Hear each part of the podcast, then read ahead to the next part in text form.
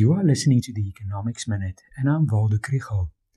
This week's economic growth data presented good news about the economy, and the South African Chamber of Commerce's Business Confidence Index is at its highest level in three years. In quarter to quarter terms, the economy grew by 1.3% in the fourth quarter of last year, and then by 1.1% in the first quarter of this year. This is better than expected and expressed as an annual rate, GDP grew by 4.6%.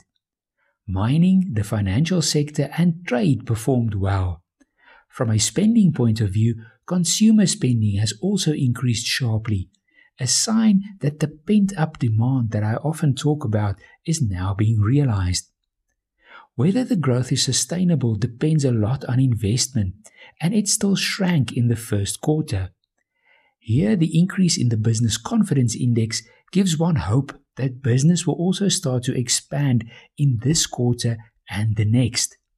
However, we know that credit extension is still subdued and that load shedding can hamper operations. The important thing to realize is that the exporting of commodities that is now driving growth only borrows time for the reforms that are actually needed. If you want to learn more about the economy, follow the Econ 101 page on Facebook.